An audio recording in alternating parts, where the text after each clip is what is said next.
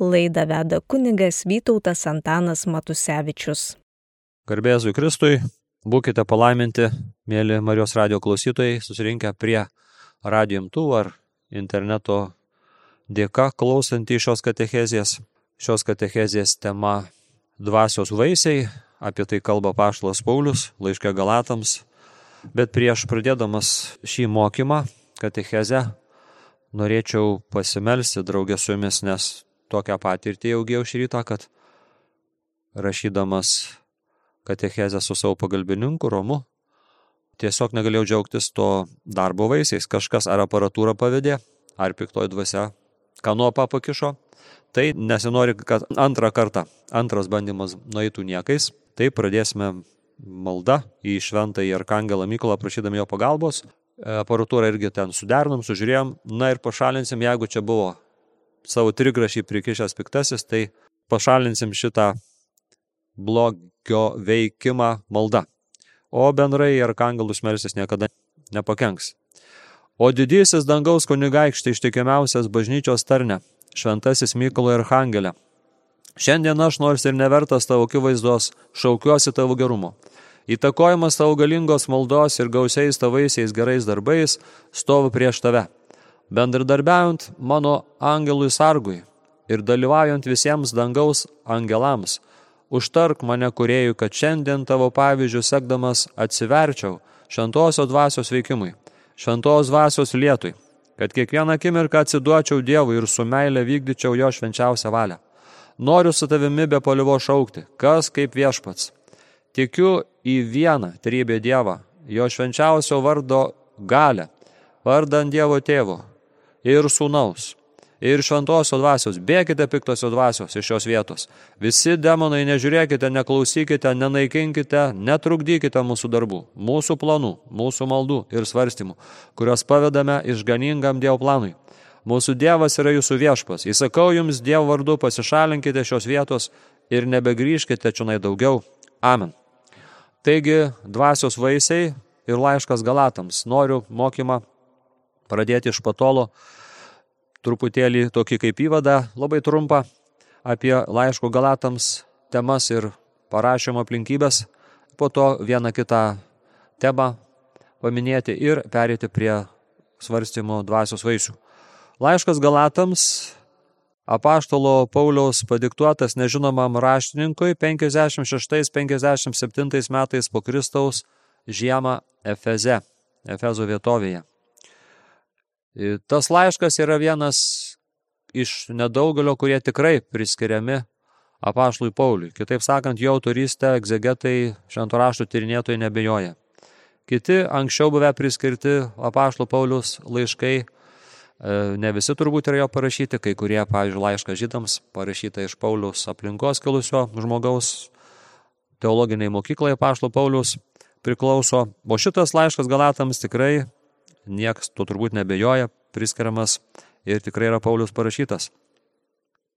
Po įžangos Paulius perspėja dėl Evangelijos iškraipimų, kalba apie savo misiją, skelbia mokymą apie nuteisinimą tikėjimu, ragina neprarasti krikščioniškos laisvės vaisių, kalba apie krikščionišką laisvę, šlovina Kristaus kryžių.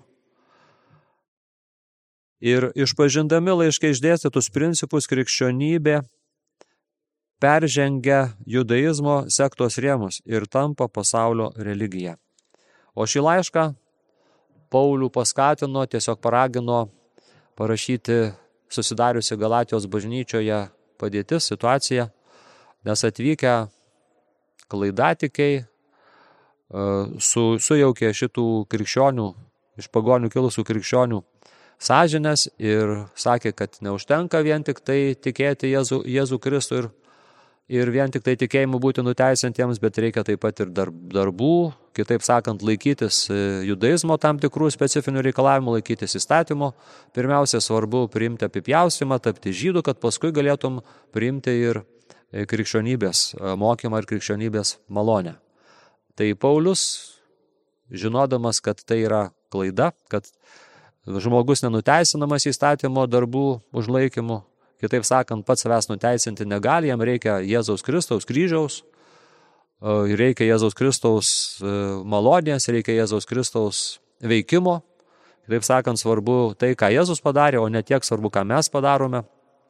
Tai svarbu, svarbiau priimti Jėzaus atliktą išganimą, jo malonę, negu pasitikėti kažkokiais įstatymo e, savo darbais, kūniškumo darbais, kaip Paulius savo laiškose dažnai mini.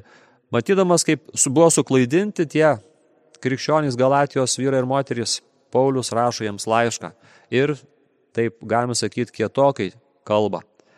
Neprotingi Galatai, kas jūs apkerėjo savo visokiais klaidingais mokymais, kad jūs nuo tos Evangelijos tikrosios, vienintelės Evangelijos, kurias jums paskelbęs persimetė, persimetėte prie kitos, reiškia netikros, neteisingos Evangelijos.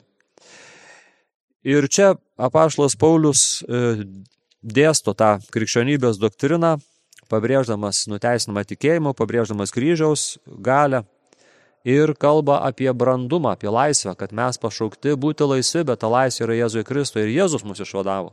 Ne įstatymas mus išva, išvaduoja, bet Jėzus, Jėzaus malonė, kurią mes gauname su bažnyčia, per bažnyčią ar bažnyčioje. E, jisai kalba apie tai, kad prieš įtikėdami jūs, jūs kaip ir Izraelis, išrinktoji Dievo tauta buvo tam tikroji nebrandoj, nes įstatymas ruošia Izraelį, o taip pat Izraelio asmenyje, Dievo tautos asmenyje ruošia visas tautas Jėzui, tam naujam laisvės įstatymui ir tam, ta, tam išlaisvinimui, kuris vyksta per tikėjimą Jėzaus Kristaus asmeniu, Jėzaus Kristaus kryžiumi, Jėzaus Kristaus mirtim ir Jėzaus prisikėlimu. Tai apašlas sako, kad ir Izraelis yra išaugęs jau dabar iš, iš to įstatymo, kurį čia trečiajame skyriui lygina su mokytoju, kuris anu metu visuomenėje vaikus, berniukus vesdavom į mokyklą. Sako, dabar jau mes nebesame to įstatymo valdžioje, jau išaugome, tapome brandus. Turime priimti tą laisvę, kurią Jėzus atneša. Turime gyventi tikėjimu, prisimti atsakomybę. Jau nebe iš įstatymo darbų gauname išlaisvinimą, nuteisinimą ir pilnatę, bet iš tikėjimo Jėzumi Kristumi. Tai čia gražiai lygina, e, paklausykime tos vietos. Prieš ateinant tikėjimui mes buvome įkalinti ir sergimi įstatymo, kol apsireikš tikėjimas. Taigi įstatymas buvo mūsų auklėtojas vedęs į Kristų, kad mes būtume tikėjimu nuteisinti. Tikėjimo atėjus mes jau nesame auklėtoje globoje. Juk jūs visi tikėjimo esate Dievo vaikai Kristoje Jėzuje. Ir visi, kurie esate pakrikštyti Kristuje, apsivilkote Kristumi. Nebėra nei žydo, nei graiko, nebėra nei vergo, nei laisvojo. Nebėra nei vyro, nei moteris. Visi jūs esate viena Kristuje. O jei priklausote Kristui, tai esate ir Abraomo palikonis bei paveldėtojai pagal pažadą. Taigi matome, kad išrinktoji tauta buvo Dievo priemonė paruošti ištikimam viešpaties tarnui, Jėzui, Izraelitui pagal kūną, bet pagal pažadus ir pagal paskirtį pašauktam tapti palaiminimu visoms tautoms ir visiems nešti išganimą ne tik Izraelio vaikus suburti į vieną bažnyčią, bet ir visus pagonis, kad visi galėtų pažinti išganimą ir jame dalyvauti. Ir kalba Pašlas Paulius savo laiškose apie bažnyčią, kur yra ne kas kitas kaip Jėzaus Kristaus kūnas. Ir čia, jeigu eisime jau dabar artėsime prie temos, kurią šiandien svarstysime, prie dvasios vaisių, tai čia kalba penktame skyriuje apie krikščionišką laisvę, kad Jėzus iš mus išlaisvino, kad mes neturėtume vergauti, vėl pasiduod, pasiduodami ir įkinkomi į kūniškumo e, nelaisvės pančius, nes Jėzus mus išvadavo, kad būtume laisvi. Todėl sako, stovėkite tvirtai ir nesileiskite įkinkomi į tos vergovės, iš kurios Jėzus jūs išlaisvino. Ir čia Paulius taip pat turiu omeny ir tą įstatymą, nes įstatymas irgi tam tikrą prasme ribojo, tam tikras ribas brėžė, tam tikras tvoras statė. Jėzus visą tai panaikino, įstatymas turėjo atvesti pas Jėzų, o Jėzus, mes žinome, atėjo įvykdyti įstatymą ir įvykdė jį, tobaliausiu būdu ypač mirdamas ant kryžiaus. Ir tai yra laisvės šaltinis. Bet kokios laisvės, tikrosios laisvės šaltinis yra Kristaus kryžius. Jėzaus asmo nukryžiuotas, miręs, palaidotas, prikeltas ir išaukštintas, garbę tėvui lygę turintis danguje dešinėje tėvo sėdintis. Ir vad būtent Jėzuje, jame, jo mislėme kūne bažnyčioje mes džiaugiamės tą laisvę.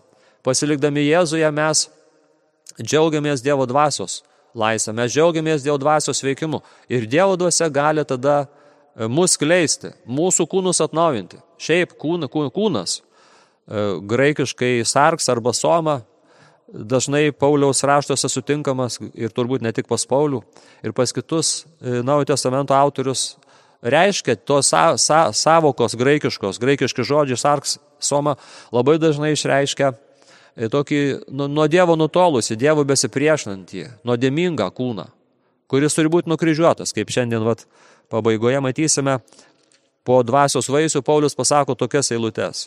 Jei gyvename dvasia, elkimės pagal dvasę. Ir kurie yra Kristaus Jėzaus, tie nukryžiavo savo kūnus su aistromis ir geismais. Tai reiškia, kūnas, tai paėmus, e, bibliniai teologijai išreiškia daž, dažniausiai Dievui svetimą, Dievui besipriešinantį ir tik tai kūniškus vaisius nešantį na, organizmą, jeigu taip galim pasakyti. Kūnas duoda kūniškus vaisius, juos čia išvardina apaštalas Paulius. Kūno geismai priešingi dvasiai, dvasios kūnui, jie vienas kitam priešingi, todėl jūs nedarote kaip norėtumėte. Bet jei leidžiatės dvasios vadovaujami, jūs nebesate įstatymo valdžioje. Kūno darbai žinomi, tai ištvirkavimas, netyrumas, gašlavimas, apmeldystės, burtininkavimas, priešiškumas, nesantaika. Paviduliavimas, piktumai, vaidai, nesutarimai, susiskaldimai, pavydai, girtavimai, apsirimai ir panašus dalykai. Ir Paulius sako, įspėdamas, Aš jūs įspėju, kaip jau esu įspėjęs, jog tie, kurie taip daro, nepaveldės Dievo karalystės. Dievo karalystės reiškia amžinybėje, bet turbūt tiesioginė prasme ir pirmiausia Dievo karalystės, kur jau dabar yra arti mūsų, kaip ir Jėzus sakė. Kažkas Jėzus paklausė, kada ateis Dievo karalystė. Jėzus sakė, Dievo karalystė jau yra jūsų tarpe. Tik tais kaip Jėzaus amžininkai, taip ir šiandien daugelis žmonių mūsų amžininkai ir mes galbūt kartais net pažįstame tos Dievo karalystės priartėjimo. Nematome tos Dievo karalystės. O tarp Dievo karalystės, tarp Dievo dvasios ir pasaulio dvasios, piktosio dvasios vyksta nuolatinė kova. Ir kūnas nori visada dominuoti dvasiai. Kūniškas žmogus nori dominuoti dvasiniam žmogui. Vyksta kiekviename iš mūsų. Ta kova mes pasirenkame vienus arba kitus dalykus. Ir visai neseniai melzdamasis už vieną žmogų gavau tokį maldos metu tokį vaizdinį. E, mačiau, kaip ant to dvasioje, maldos metu, mačiau, kaip ant to žmogaus galvos pirmiausiai nusileido balandis. Balandžiai paprastai būna gelto, e, baltos spalvos, o šį kartą nusileido gels, gelsvas, geltonas balandis.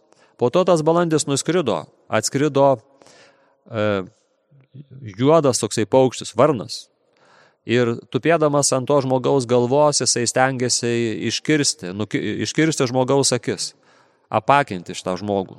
Tada vėl ta varna, tas kranklys buvo nustumtas ir atskridęs tas vėl geltonas balandis e, neleido tam, tai tamsai, tam, tam, tam blogiui, tam, tam jodumui apakinti.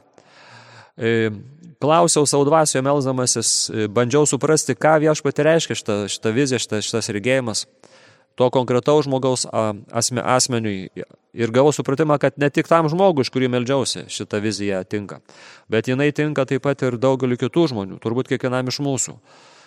Tas balandis tai yra šventosio dvasios simbolis, o geltonas jis yra dėl to, kad ta geltona spalva reiškia dieviškumą. Biblijoje geltona aukso spalva išreiškia, na, dieviškumą. Jėzus ten apokalipsėje, Jono apsivilkęs, susijuosęs auksinę juostą. Tai reiškia, kad jis yra Dievas. Ne tik žmogus Jėzus yra, bet ir Dievas. Tai mes per krikštą tampame dieviškos prigimties dalininkais. Mes gauname šventąją dvasę kaip balandį. Ir šventoji dvasia ilsėsi ant mūsų. Plevenant mūsų, jinai ilsėsi ant mūsų ir mes ilsėmės joje nuo pat krikšto dienos. Ir šventoji dvasia duoda mums šviesą, supratimą mūsų protui, mūsų akims mes viską pradam vertinti, matyti, ne regėjimu šito kūnišku jūslėms prieinamų būdų kontaktuojam vien tik tai su pasauliu, bet taip pat gaunam Dievo išmonę, Dievo dvasios išmonę. Dievas mums duoda akių šviesą, širdies akis atveria, mes pradame matyti tikėjimo žvilgsniu, nes Paulius rašo, kad mes čia gyvename ne regėjimu, bet tikėjimu. Tačiau matome, kad piktoji dvasia labai dažnai stengiasi nustumti tą paukštį, šventąją dvasę, tiesiog jinai nesuinteresuota, piktoji dvasia nesuinteresuota, kad žmogus gyventų tikėjimu, kad žmogus duotų dvasios vaisius. Piktoji dvasia nori dominuoti ir nori paimti visą valdžią žmoguje, žmogaus valiai, žmogaus protui, žmogaus troškimai, kad žmogus ne dvasios vaisius duotų, bet kad žmogus e, duotų tuos kūno, kūno vaisius, apie kuriuos Paulius čia mini. Kad žmogus nepasiliktų įsišaknyjęs Jėzuje Kristuje, kaip tame vynmedėje, kad nebūtų šakelė, bet atsiskirtų per nuodėmę, per atmetimą, per maištą. Ir jau nebeduotų šventoji dvasia žmoguje tų dvasios vaisių, bet kad žmogus gimdytų mirčiai kitų žmonės. Tiesioginė ir perkeltinė prasme, dvasinė prasme, labiau dvasinė prasme. Tai vad vyksta ta kova tarp gėrio ir blogo, tarp Dievo ir piktosios dvasios. Aišku, Dievas visada nugali paskutinis žodis, visada priklauso Dievui, bet kol mes esame kelyje, ne tėvinėje, bet kelyje, invyje, non in patirė, kaip gražiai Augustinas kalbėjo, mes kovojame ir turime nuolatos būdėti, kad mirties paukštis nenuvytų šventosios dvasios. O e, mirties paukštis šventąją dvasę nuvyja, arba tiksliau sakant, šventoji dvasia pasitraukia nuskrenda tuo met, kai mes leidžiame piktai dvasiai veikti, kai leidžiame tai pažeistai gimtosios nuodėmės prigimčiai, linkusiai į blogį, į nuodėmį, į tamsą, į kūniškumą leidžiame veikti. Tuomet neduodame tų dvasios vaisių. Na, o Paulius sako, kad mes pašaukti nuo krikšto dienos išlaisinti, dvasios išlaisinti, dva, dvasia patepti, dvasia pripildyti mes esame kviečiami kantrumu duoti tų gražių vaisių. Ir, ir pamini, kokie čia tie vaisiai. Meilė, džiaugsmas, ramybė, kantrybė, malonumas, gerumas, ištikimybė, romumas, susivaldymas. Tokiems dalykams nėra įstatymo, kurie yra Kristaus Jėzaus, tie nukryžiavo savo kūnus aistromis ir geismais. Taigi, kai mes klausome tuos tą gražų sąrašą dvasios vaisių, Mes galime prisiminti, kad yra dar keletas e, sąrašų, kurie yra labai irgi gražus. Norėčiau du paminėti, gal jų ir daugiau yra, bet čia tie du man kažkaip iškyla. Naujame testamente mes juos randame. Pirmas yra palaiminimai. Mato Evangelijos penktame skyriuje, kur Jėzus kalba apie aštuonis palaiminimus. Kiekvienas krikščionis, kiekvienas Dievo sūnus arba dukra yra pašauktas būti palaiminimu vyrų ir moterim. Kitaip sakant, palaiminimai gali pagal Dievo mintį turėtų skleisis kiekvieno krikščionio gyvenime. Kiekvienas krikščionis pasilikdamas Jėzuje gali duoti ir duoda daugiau mažiau tų palaimin, palaiminimų vaisių. Tai ten yra ir palaiminti vargdieniai dvasioje, palaiminti gailestingai, ieškantys teisumo, ne, nevardėsiu jų, tiesiog paskaitykim, mato penktą skyrių, ten rasim kalno pamokslę Jėzaus išvardintus palaiminimus. Dar vieną norėčiau paminėti sąrašą, kur apaštas Paulius kalba pirmame laiške korintiečiams 13 skyriuje kalbėdamas apie meilę. Kokia yra tikroji meilė? Koks yra tas prakilnusis kelias? Ir tarp kitko, turbūt atkreipėte dėmesį, kad meilė dvasios vaisių pradžia, pradžioje paminima. Tai pagrindinis vaisius, svarbiausias vaisius, pirmutinis vaisius. Jeigu noksta žmogaus širdį ir gyvenime šitas dvasios vaisius meilė, tai tada gali nokti ir visi kiti. Ne atvirkščiai. E, bet viskas pradedama ir viskas kreipiama į meilę. Tai kalba ten laiške korintiečiams Paulius, kokia tai yra meilė, turbūt gal cituoja ten kokį seną pirmykštį krikščionių himną ir tai yra labai graži. Tai meilė žinoma Dievas. Ten kalbam apie Dievą. Dievas yra meilė, sako mylimas Jėzaus mokinys Jonas savo laiškose. Tai kalbama, koks yra Dievas, kokia ta dieviška meilė. Bet žinoma, čia kalbama taip pat ir apie žmogišką meilę. Kokia galėtų ir turėtų būti žmogaus meilė. Dažnai šitas tekstas labai gražus, skaitomas per santokos, jungtuvių Dievo žodžių liturgiją. Aš kartais net e, sužadėtinius, kurie pradeda jau e, apieigų metu savo bendrą santokinį gyvenimą, tampa vienu kūnu iš Dievo malonės raginu juos kartais išmokti mintinai, arba netgi savo mėgamajame išsirašyti ir pasikabinti. Tai meilė iš tikrųjų labai nuostabi ir viena iš gražiausių tos meilės savybių, būtent ištikimybė ir kad meilė niekada nesibaigia. Bent man tai yra tikras ženklas. Jeigu yra meilė, tai keičia formas, e, keičiasi ta meilė, bet nesibaigia, nesibaigiant. Aišku, Dievoje nėra jokių kitėjimų, bet mumise žmonėse viskas keičiasi, mes patys keičiamės, mūsų meilė įgauna kitas formas, bet svarbiausia, kad ta meilė nesibaigtų. Tai štai apie meilę, jeigu norime giliau e, suvokti, giliau pažinti, įsimastyti, reikėtų mums studijuoti va, tą būtent meilės sąrašą. Tarsi meilės vaisių sąrašą. Čia dvasios vaisiai pateikiami laiške Galatams, o ten pateikiami, kokie yra meilės vaisiai arba kokia ta meilė galėtų ir turėtų būti. Kokia meilė, jeigu kalbėsime apie Dievą kaip meilę, meilės šaltinį, kokia ta meilė yra iš tikrųjų, iš ko mes galime mokytis ir semtis tos tikrosios meilės ir į kokią meilę galiausiai mes visi esame pašaukti įsilieti, į kokį okeaną, kokią jūrą mes esame pašaukti įtekėti kaip upeliai. E, džiaugsmas yra antras e, dvasios vaisius. Mums labai patinka džiaugsmingi žmonės. Mes visi norime būti džiaugsmo žmonėmis ir esame pašaukti būti džiaugsmo žmonėmis. Čia kalba paštlas Paulius apie džiaugsmą, kuris irgi yra nokinamas šventosios dvasios. Kitaip sakant, džiaugsmo mes patys nenusipirksim, neusiauginsim darželėje. E, džiaugsmo mums neduos tikro žmonės, jeigu duos džiaugsmą, tai tokį laikiną, blėstantį, emocišką tik tai arba kūnišką, su malonumais, su geismais susijusi džiaugsmą praeinantį, netikrą džiaugsmą. O čia kalbama apie tikrus dalykus. Biblija visada kalba apie tikrus dalykus. Tai tikras džiaugsmas yra šventosios dvasios veikimo padarinys pasiekmė. E, Dievo karalystės e, šulas. Nes apaštalas Paulius laiškeromiečiams sako, kad Dievo karalystė nėra valgio arba gerimo dalykas, kitaip sakant, tai nėra žemiška tokia apčiuopiama matoma, jūslėms prieinama vien tik tai realybė. Nors ir taip, bet visų pirma ir labiausiai tai yra teisumas, ramybė ir džiaugsmas šventoji dvasioje. Teisumas, ramybė ir džiaugsmas.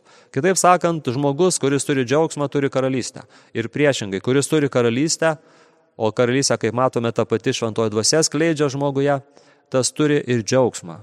Dėl to, kaip matome, svarbu būti pagautiems Dievo dvasios. Neleisti, kad kažkas Dievo dvasia manyje arba iš išorės užgesintų. Dėl to Paulius kažkuriam iš laiškų sako, viską ištirkite, kas gerą palaikykite, negesinkite Dievo dvasios. Labai svarbu, kad mes leistume Dievo dvasiai veikti, kad leistume šventai dvasiai veikti, kuri, kaip matome, duoda ir džiaugsmas, kleidžia karalystę. Ne tik mumise, ne tik Dievas turi tokią na, priežastį arba tokį tikslą mus tik tai padaryti džiaugsmingais. Pirmiausia, tai, bet Dievas visada suinteresuotas, kad mes kaip jo indai, kaip įrankiai plėstume tą karalystę, kad liudytume pasauliui Dievo meilę, gerumą, gailestingumą. Ir dėl to Dievas nori patepti mūsų džiaugsmo lėjumi. Patepti tokiu džiaugsmu, kurio niekas negalėtų iš mūsų atimti. Dar vienas vaisius yra ramybė e, arba taika. Ir kai girdime apie ramybę, taiką, tai galim iš karto prisiminti, jog pranašas Izijas kalba apie ramybės kunigaikštį. Kai kalba pranašystė apie tai, kad gims iš moters vaikelis, tai žinoma aluzija į mergelę Mariją, kuri pagimdys sūnų. Ir jisai bus vadinamas taikos kunigaikščiu arba ramybės kunigaikščiu. Jisai visiems kraštams ne, neš taiką. Jėzus kelbė karą tik tai piktai dvasiai, nuodėmė ir blogui, bet ne žmogui. Piktai dvasiai taip, bet žmogui neskelbė Jėzus karo žmogui skelbia ramybę, kaip atsimenam. Ir neša ramybę ir skelbia po prisikelimo, kai mokiniai jau pilni kalties ir baimės, kad išdavėm savo mokytoją, įsigandom jo, įsižadėjom, užsidarė kambaryje, sėdėjo, Jėzus ateina per uždarytas turis ir kvepia jo šventą dvasę ir sako, imkite šventą dvasę, ramybė jums, pasisveikinam. Tai matome ramybės sunus, pilnas ramybės, pilnas dvasios, tas, kuris pilnas dvasios, pilnas ir ramybės. Tas, ant kurio ilsėsi Dievo dvasia, tas yra taikdarys. Tas yra susitaikinimo tarnas. Nes Jėzus sako, jums atleidžiamos nuodėmės. Ir jūs patyrę atleidimą, mano Jėzaus atleidimą, galite būti susitaikinimo ir atleidimo uh, įrankiai, indai, susitaikinimo tarnai, kaip gražiai Paulius viename iš savo laiškų rašo. Taigi ramybė yra Jėzaus viešpatavimas žmogaus širdį ir žmogaus gyvenime. Mes esame pašaukti būti ramybės sūnumis ir ramybės dukterimis, pasilikti Jėzuje, tikrajame ramybės sūnuje, tikrajame ramybės kunigaikštėje. Koks tai gražus titulas man, tai vienas iš gražiausių Jėzaus vardų - ramybės kunigaikštis, taikos kunigaikštis. Ramybė labai plati savoka, praktiškai apimanti visas žmogaus e, situacijas, aplinkybės, būti ir būti, žmogų ir visą jo gyvenimą jo santykius su Dievu, su kitais, su savim santykius, su daiktais, su aplinka. Tai ramybė žmogus, jisai turi tikrą ryšį su Dievu, su pačiu savim, su kitais, su aplinka, su daiktais. Jis yra laisvas, jis yra laimingas ir dėl to jam nedaug reikia, Tas žmogus, kuris neturi ramybės, bando tas tuštumas užpildyti visokiais kitokiais dalykais.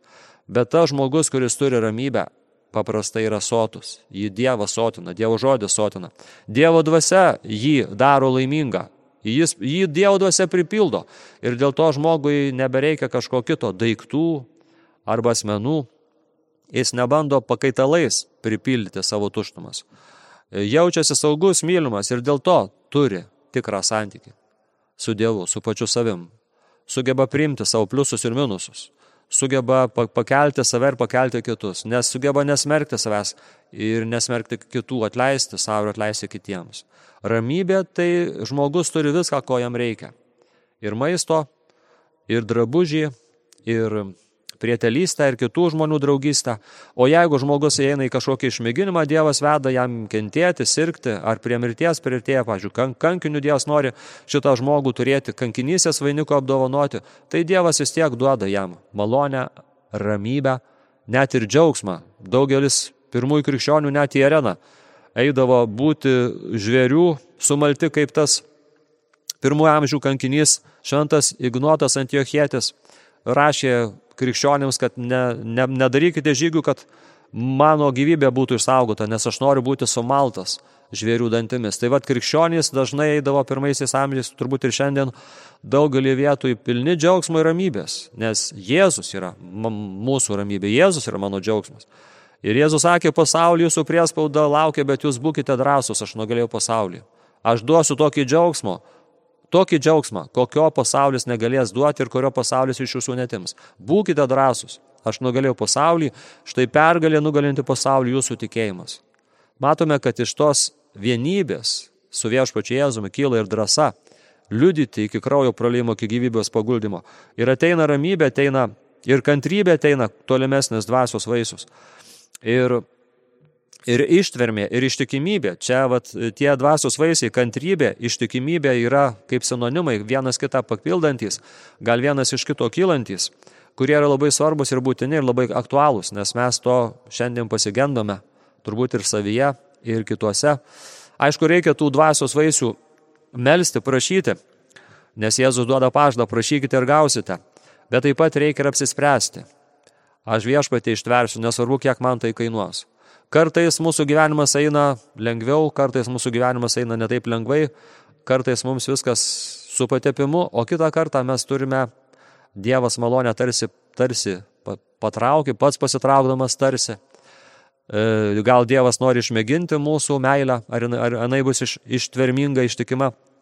Kartais mes einam tiesiog per negaliu, turim perlipti save, išeiti savo komforto zonos, bet kitą kartą tiesiog ant patepimo, ant dvasios sparnų Dievas mus neša.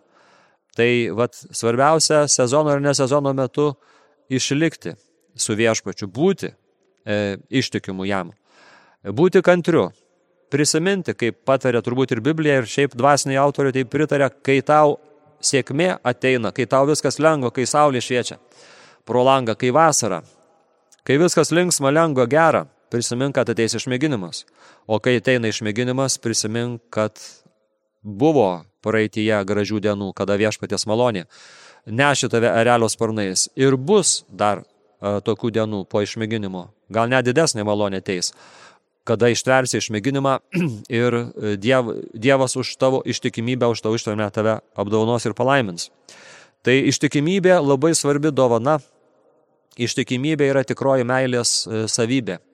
Tikra meilė ištveria, tikroji meilė, kaip kalbėjome, nesibaigia. Tikroji meilė viską pakelia. Tikroji meilė yra ištverminga ir, ir ištikima. Ir man vis, kai kalbame apie ištikimybę, aišku, žmogiška ištikimybė tokia efemeriška, kintanti, e, kartais nunykstanti. Svarbu, kad mes, kurie būnam neištikimi, o būnam neištikimi kiekvienas ir aš ir tu, mielas klausytojo ar klausytoja, kad mes nepasiduotume e, kokiam liūdėsiui, ir nupuolę pakiltume. Paulius viename laiškų apie tai gražiai kalba, turbūt Timotėjų laiške, kalba apie tai, kad Jėzus yra ištikimas. Sako, prisimink prikeltą jį iš numirusių Jėzų Kristų, kaip skelbiama mano Evangelijoje, dėl kurio man tenka kentėti, net būti surakintam lyg piktadariui. Bet Dievo žodis nesurakinamas. Ir ten Paulius kalba apie tai, kad Jėzus yra ištikimas. Sako, nors mes ir taptume neištikimi, jis lieka ištikimas, nes savęs jis negali išsiginti.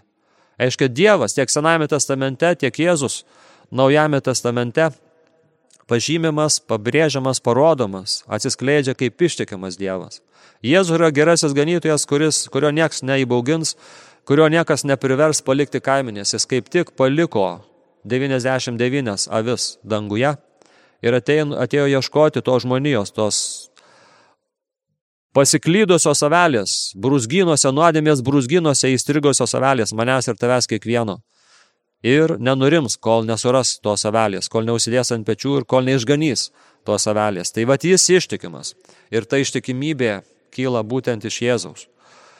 Prašykime tos ištikimybės bažnyčiai, savo ir kiekvienam žmogui. Kantrybės ištikimybės. Malonumas ir gerumas. Du dvasios vaisiai, kurie irgi turi tokie kaip sinonimai kurie yra panašus, vienas kitą papildo ir gal vienas iš kito e, kyla. E, malonumas tai ne, ne tai, kad žmogus e, skleidžia kažkokį tai malonumą. Nu jis yra malonus, bet jis neieško malonumų. Jis nelieško kažkokio lengvatų, komforto. Malonus žmogus yra tas, prie kurio gera būti. Tai yra geras žmogus. Iš jo sklinda ramybė, iš jo sklinda šiluma. Prie jo nurimsti, prie jo pailsi, prie jo būdamas tampi geresnis, prie jo būdamas užsidegi, jo troškimais, jo siekiais. Kažkaip persijimi taip savaime, be kažkokių išvedžiojimų, pamokslavimų persijimi jo siekiais, jo troškimais, jo šventumu. Tai šventas žmogus, nes jame ilsisi šventoji dvasia ir jis ilsisi šventoji dvasiui. Apie gerumą vis prisimenu kartais kaip kūdikėlė Jėzaus teresėlė. Dažnai turėdavo vesti į refektoriumą vieną E, seserį, kuri buvo vyresnio amžiaus, lygota, sunkiai vaikščioja, reikėjo į kažkieno ranką įsitverti. Ir jį vis e, liedavo som kažkokį tai ar sužeistumą, ar kažkokį nepasitenkinimą ant tų sesučių. Atrodytų ta serganti, senyva vienuolė turėtų džiaugtis, kad štai čia kita sesutė vienuolė ją veda į refektoriumą, į patarnaują. Bet ne, jinai bumbėdavo ten ir labai sesutėms būdavo sunku šitą meilės tarnystę tai senyvai lygotai sesiai atlikti. Teresėlė irgi buvo nelengva, bet e, ne vieną turbūt ir ne du kartus paskui dalinosi su kitomis sesutėmis vienuolėmis, kokia nuostabi Teresėlė, kaip jinai skiriasi nuo kitų sesučių. Kitos eina tokios nepatenkintos, atlieka tą tarnystę, o Teresėlė sako, ne tik kantriai veda, niekad į mano nekantrumą neatsiliepia nekantrumu, bet sako, netgi atvedusi mane pasodina, gal net ir patarnauja ir padaunoja man, sako, šypsana. Kūdikėlė Jėzaus teresėlės, o tas gerumas, tas malonumas, e, šitai sesiai darė įspūdį. Ir, na, kaip matom, na, aišku, buvo laiminama per teresėlės meilę, per teresėlės tokią auką, kurią jinai iš meilės Jėzų ir iš meilės tai konkrečiai sesutei aukojo. Ir matom keitė tos moteris širdį ir jinai net dalinosi su kitomis esėmis. Tai kai matome tas gerumas užkrečiamas, tas gerumas jisai persiduoda kitiems žmonėms. Malonumas, gerumas ir kaip ir visos kitos, ypatingai Dievo malonės dovanos, jos turi tą galę sklisti, skleisti karalystę. Prašykime malonumo, nes šiandien malonių žmonių, gerų žmonių mes sutinkame netaip daug. Aišku, kiekvienas turi to gerumo, bet ne kiekvieno žmogaus širdį ir gyvenime. Tas gerumas dominuoja arba tas gerumas kleidžiasi. E, prašykime, kad Dievas mus padarytų tais pionieriais. Nes e, prisiminiau šiandien Šventą Pranciškų, kuris sakė viešpatie padaryk mane savo ramybės pasiuntiniu, kuris ne tiek laukia, kad kažkas man duotų meilę arba ramybę, bet kad aš pirmas neščiau tą ramybę. Ten ypatingai, kur tos ramybės stinga. Kitaip sakant, perfrazuojant Šventąjį Pranciškų, pritaikant jo tą maldą, šiandieniam mūsų tekstui apie dvasios vaisius mes galim ir sakyti viešpatie padaryk mane tuo dvasios vaisius nešančiu medžiu, kad pasilikdamas Jėzuje Kristuje, įsišaknyjas jame per tikėjimą, per meilę, aš nelaukčiau, kad kažkas mane mylėtų, bet pats mylėčiau. Ne, nelaukčiau, kad kažkas mane džiugintų, bet pats džiuginčiau. Kad teiktų kažkas ramybę, bet pats būčiau ramybės e, šaltinis. Ir taip toliau. E, prašyt, prašykime sesis broliai šito. Ir siekiame šito, bendradarbiaudami su viešpačiu ir apsispręsdami mylėti, nesvarbu, kiek mūsų uh, tai kainuos. Tai einame prie romumo. dar vieno e, dvasios vaisiaus. Ir čia vėl romumas ir po to susivaldymas. Man atrodo, kad šitie dvasios vaisiai irgi yra tarsi sugrupuoti, jie yra labai vienas su kitu tampriai susiję. E, norėčiau duoti tokį liudymą, kurį viešpats Dievas man davė patirti, mokė, nors tas mokymas toks nebuvo labai saldus, bet prisimenu vis, kai būnu mokamas viešpaties, kai parodo viešpats kokią mano savybę, prisimenu, kad auklyba Dievo sūnaus arba Dievo dukters tam kartui atrodo karti, bet paskui duoda gražių teisumo vaisių auklėtiniams. Tai buvo laidotuvės. Laidojom jauną vyrą, jaunuolį, gam sakai, 26 metų. Taip nelaiku, baigė savo dienas, daug žmonių susirinko, baigėme šventasias mišes, susirinkome kapinėse, palaiminome jau duobę, kur bus įleistas greitai karstas. Ir jau norėjau vyram daviau ženklą, kad vyrai atliktų šitą e, tarnystę, nuleistų kūną į duobę, bet kažkas pasakė, kad bus atsveikinimo kalba, anksčiau niekas man to nesakė. Nu tai sako vyrai dar palaukim, e, eikit į pašaliuką ir klausysim tos kalbos graži, tokia poetiška, jautri. Gal mokytojai ten kalbėjo kalba.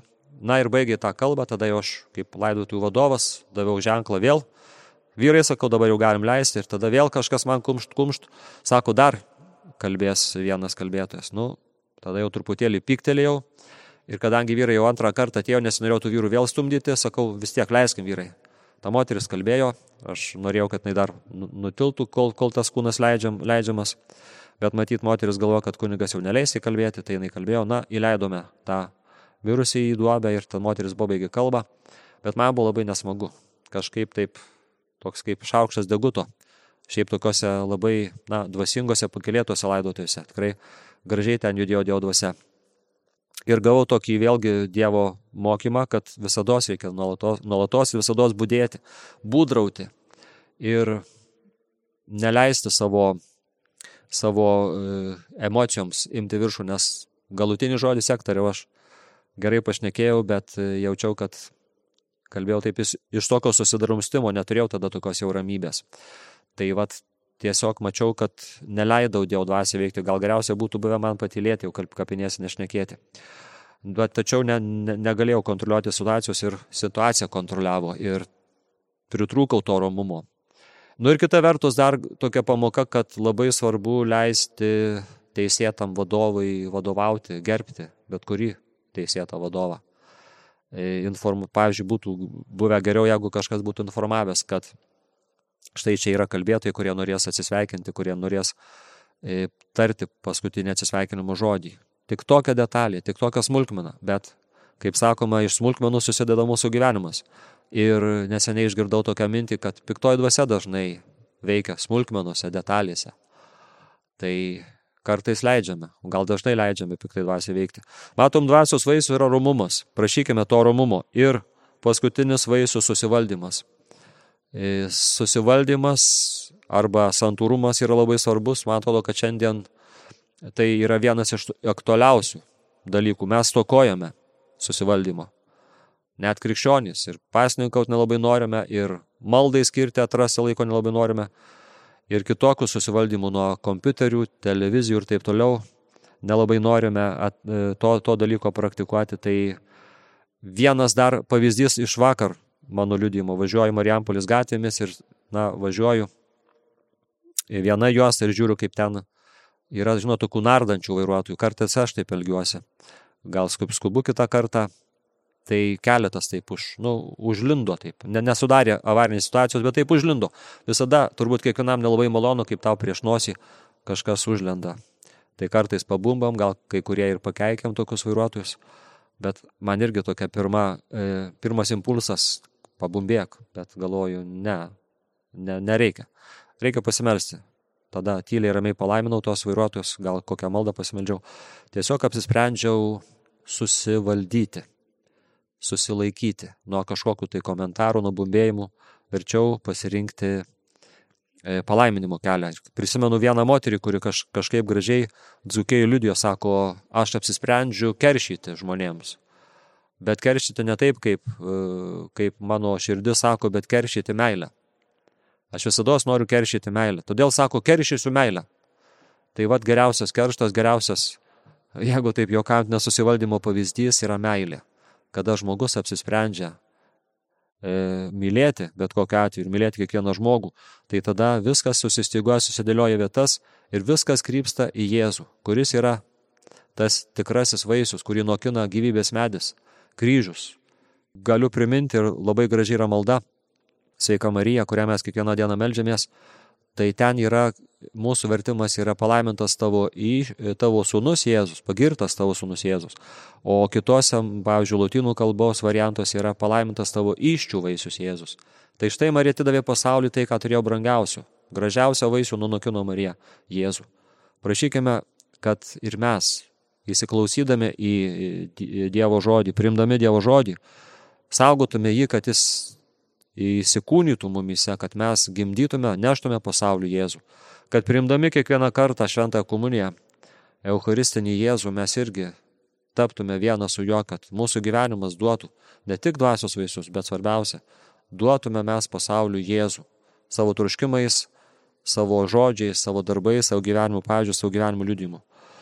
Tai dėkojame tau viešpat Jėzų, kad pakrikštinai mūsų šventą dvasę mūsų krikšto dieną, krikščiai kiekvieną dieną mūsų šventą dvasę Padėk mus viską ištirti, kas gera palaikyti, negasinti dvasios, neniekinti pranašavimų, bendradarbiauti su tėvu, su tavimi, su šventai dvasia ir duoti kasdien dvasios vaisių.